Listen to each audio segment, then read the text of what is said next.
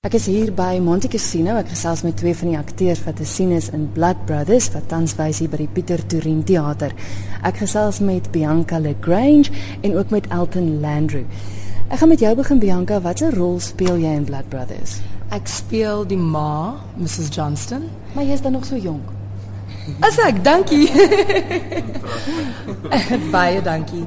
Ehm um, ja, dis dis dis waar die uitdaging is. Ek ek is nog baie jonk en ek speel 'n ma wat sewe kinders het en ehm um, sy tweeling op die pad wat kom en haar man los vir haar en dit is 'n heel groot storie vir haar want ehm um, sy's alleen in in District 6 in 1965 en ehm um, sy moet nou 'n plan maak en ehm um, dis hier die rol wat ek speel. En jy Elton?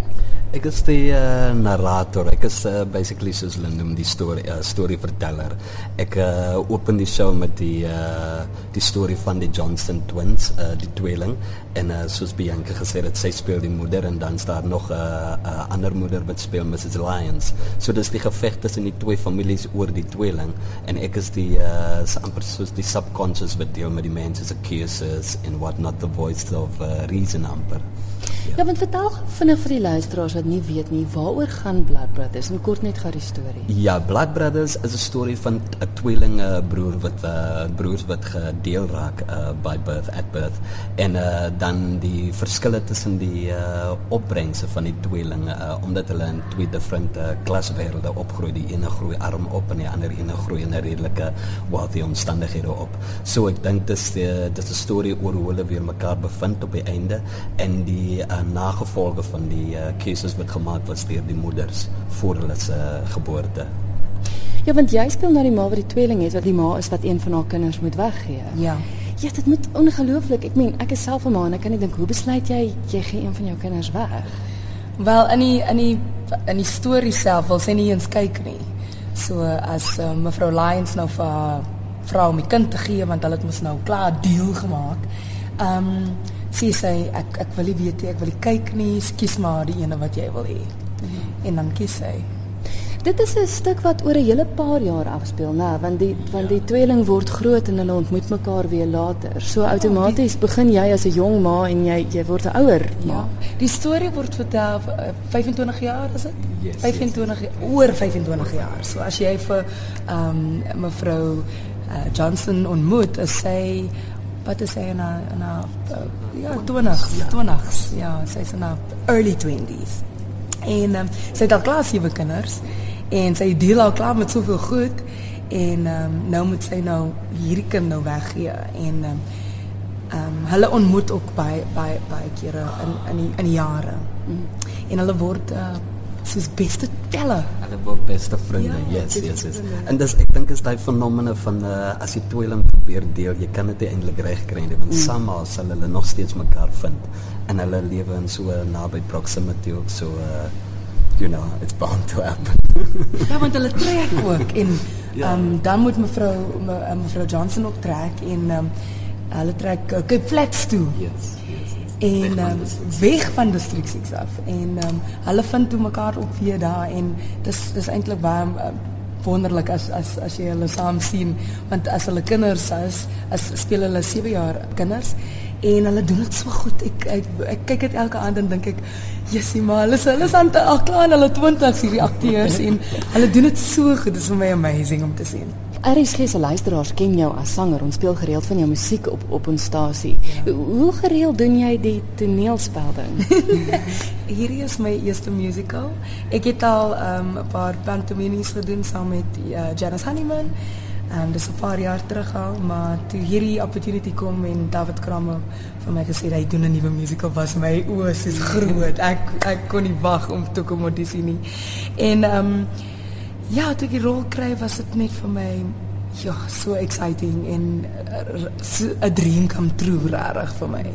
Ek dink dat dit 'n uitdaging moet wees om die jong ma te speel en dan ouer te word. Ek meen jou lyf, alles moet eh, is dit een van die groot uitdagings of wat sou jy sê is die moeilikste van jou rol? Ek dink die moeilikste deel van my rol is emosies. Ek moet elke aand huil.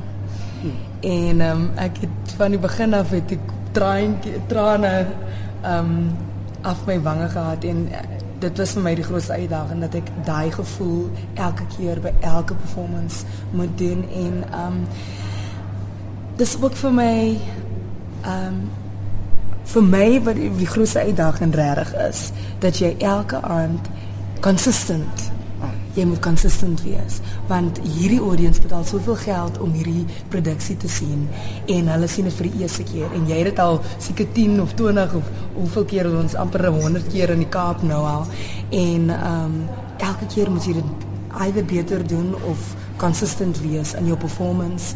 Ehm um, baie keer al die stem moeg, baie keer is 'n mens net hard vol en jy's net so 'n bietjie ehm um, sekerig of jy weet ehm um, jy's net 'n slegte dag, maar dan moet jy daai performance inleef en jy moet dit jy moet daai rol ehm um, so, so speel dat dit dat dit convincing is. Ja. Elton dis 'n bekende toneelstuk. David Kramer het hom spesiaal vir Suid-Afrikaans. Is dit musiek wat luisteraars of gehore gaan ken? Um ek dink uh, David het baie werk gedoen op die musiek. Uh ek dink hulle sal uh, redelik die musiek erken as 'n David uh, Kramer uh signature amper um en ewen 'n Tali Peter signature want hulle het dieselfde soort kleur in hulle se plays wat hulle ook in hierdie uh play ingesit het. En ek dink daai is uh hoe David uh op homself sal hy weer sy following kry as gevolg van daai element wat hy in die show insit. En baie van sy goed is maar uh soos um gemerk vir 'n sekere soort audience wat dit vertel 'n sekere soort uh storie in die geval is dit baie kleerling stories soos meeste van hulle se ander produksies maar dan is dit so eg Afrikaans gemaak uh, so eg Suid-Afrikaans mm. gemaak dat jy uh, vind nie meer 'n UK of 'n Engelse um sal ek sê 'n flavor in dit wat wat Willie Russell gedoen het. Hy het 'n mm. fantastiese job gedoen, maar so het David Kramer ook gedoen, you know, en ek dink ja. So is dit heeltemal 'n ander musiek. Nee, alles is alles is dieselfde. Is okay. net die die die arrangements van die musiek wat wat, wat different gedoen word. Ek dink hulle het meer soos 'n uh, 'n Cape Town amper soos 'n jazz vibe en baie van die goed ingesit en meer soos 'n District 6 flavor amper ingesit. Ehm um, wat is die soort instrumente wat hulle gewoonlik klank ook wat daar inkom, ja. Die banjo klanke dink ek is eers daar so in een van die goed in die trompette en wat not ja. En en so. alles alles was um live gerekord. Ja. So die die musiek wat jy hoor is regte in, instrumente wat daar wat daar speel en ek dink as hulle net so 'n bietjie groter budget gehad het sou hulle 'n band gehad op die stage. Ja. maar um die storie is so groot storie. 'n Mens kan nie van dit af wegvat nie. Die die die staging is ook baie abstrakt nê. Dis dis jy, jy sien nie eintlik jy jy weet daar's die huis, maar jy sien nie eintlik die huis nie want uh, David het hier dit so ehm um, gedirek of bymekaar gesit as in you must focus on the story. As jy hoor jy jy moet jy moet glad nie aan die aan die klere of die of die uh, staging kyk nie, jy moet aan die storie dink van die die storie is die belangrikste um ding in hierdie hele in hierdie hele musical. En as jy veel veel musiek nie vir my het ek gedink ek gaan nou kom sing. Want dis mos my ding. En um en maar nou sê ek nou ek tik nou so baie en nou kan ek nou vraggie sê ek is 'n actress. en jy moet 'n paid actress. ja. For a change. For a change. Altyd ek het nou vir Bianca gevra wat haar grootste uitdaging is. Wat sou jy sê is jou grootste uitdaging? Ja, ek dink uh, Bianca is reg daar, so die feit dat jy dit so vars moet hou want die audience wat inkom sien dit vir die eerste keer. So elke keer as jy moet perform, dan moet dit lyk like, soos jou eerste show. En dan ook die feit dat jy probeer altyd uh as jy nou soos ek nou 19 jaar 20 jaar in die bedryf is dan begin jou jou challenge groei later omdat jy begin meer, meer uitdagings kry in terme van die karakter self. Mm. So jy probeer elemente van jou vorige show probeer jy amper soos 'n onskei of of wegskryf sodat jy hierdie ene kan nie begin nuwe body language, nuwe soort artikulasie, nuwe soort uh delivery. En ehm um, dit is dit is genot. Uh soms is dit 'n lekkere uh enjoyment faktor wat wat wat inspel maar ander tye vir alles hier so jou 20ste show doen of wat nou dan dan raak dit redelik 'n groot challenge vir jou so ek dink dis dis die twee wat ek kan Ja. Dit is interessant wat jy sê want ek meen jy wat al so lank in die bedryf is. Ja. Mense veral in ons bedryf omdat dit so klein is, jy word so maklik in 'n rol ingesit en is altyd dieselfde tipe rol. Verstaan? So om om weg te kom en te wys jy kan iets anders en iets nuuts doen. Dit moet 'n uitdaging wees. Dit is 'n uitdaging. Ek dink dit ek dink is seker maar die die die die enigste of is goeie uh 'n ding wat gebeur het saam met my want al my rolle van dit ek begin het met Cat and the Kings en Janice and the Manila se Fatma en uh, met die Magic. En dan daar nog 'n hele paar gebeur in 'n uh, Market Theatre ook 'n paar gespeel en nou weer terug in hierdie musical was ek nog nooit eintlik in 'n rol lank genoeg dat mense my kan assosieer met daai particular you know karakter nie soos op, soos wat hulle altyd doen op soapies of op uh, TV series as jy Jy het nou genoem dat die storie die belangrikste is. Sou dit die hoofrede wees waarom mense Blood Brothers moet kom kyk? Ek wat sou julle sê? Ja, definitief. En die hoofrede wat dat David Kramer so 'n legende in ons land is en ek kry die voorreg, ek is so bevoorreg om, om saam met hom te werk, maar ehm um, Ja, die die die storie is regtig 'n wonderlike storie. Dis 'n touching storie. Dis 'n all colored cast. Daar's nie kleurlinge in hierdie cast en dis vir my wonderlik. Dis die eerste keer in my hele lewe.